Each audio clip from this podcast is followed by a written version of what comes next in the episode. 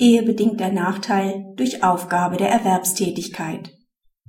Eine Befristung nach 1578b BGB ist auch bei kurzer Ehedauer abzulehnen, wenn der Unterhaltsberechtigte dadurch einen dauerhaften ehebedingten Nachteil erlitten hat, dass er in Absprache mit dem anderen Ehegatten eine gut bezahlte Stelle aufgegeben hat und nach der Trennung aufgrund seines Alters keine realistische Chance mehr hat, eine ähnlich vergütete Arbeit zu finden. Die Parteien waren bei Rechtshängigkeit des Scheidungsverfahrens knapp vier Jahre verheiratet. Im Jahr 2001 schlossen sie einen Vergleich über nachehelichen Unterhalt, dessen Abänderung der Ehemann beantragt. Die Ehefrau war bei der Eheschließung seit über zehn Jahren beim Arzneimittelverband als kaufmännische Angestellte beschäftigt und verdiente zuletzt 1641 Euro netto. Diese Stelle gab sie im Alter von 41 Jahren in Absprache mit dem Ehemann auf. Nach der Trennung arbeitete sie als Altenpflegerin und hatte bei Vergleichsabschluss ein Nettoeinkommen von 971 Euro. Aufgrund ihres Alters und des langen Aussetzens im früheren Beruf hat sie inzwischen keine Chance mehr, ein Einkommen zu erzielen, das demjenigen bei Eheschließung entspricht. Das Amtsgericht weist die Abänderungsklage des Ehemanns gegen den Vergleich aus dem Jahr 2001 daher ab. Die Berufung des Ehemanns ist erfolglos.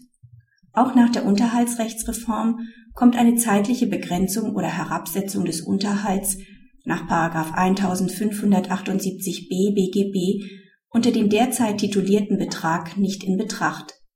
Die Interessenabwägung führt trotz kurzer Ehedauer nicht dazu, dass eine unbefristete Unterhaltspflicht des Ehemanns unbillig erscheint.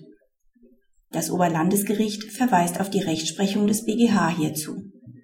Es ist unstreitig, dass die Ehefrau ihr seit zehn Jahren bestehendes Arbeitsverhältnis aufgrund der Eheschließung und in Absprache mit dem Ehemann gekündigt hat.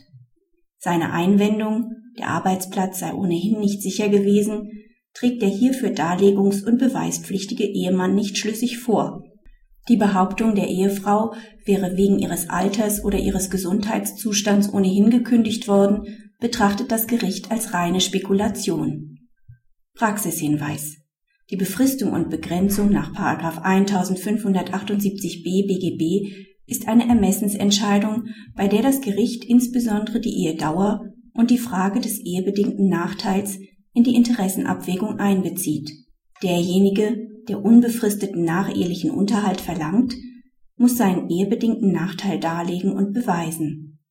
Verlangt der Unterhaltspflichtige jedoch die Abänderung eines vor der Unterhaltsrechtsreform errichteten Unterhaltstitels, ist er darlegungs- und beweispflichtig dafür, dass kein ehebedingter Nachteil vorliegt.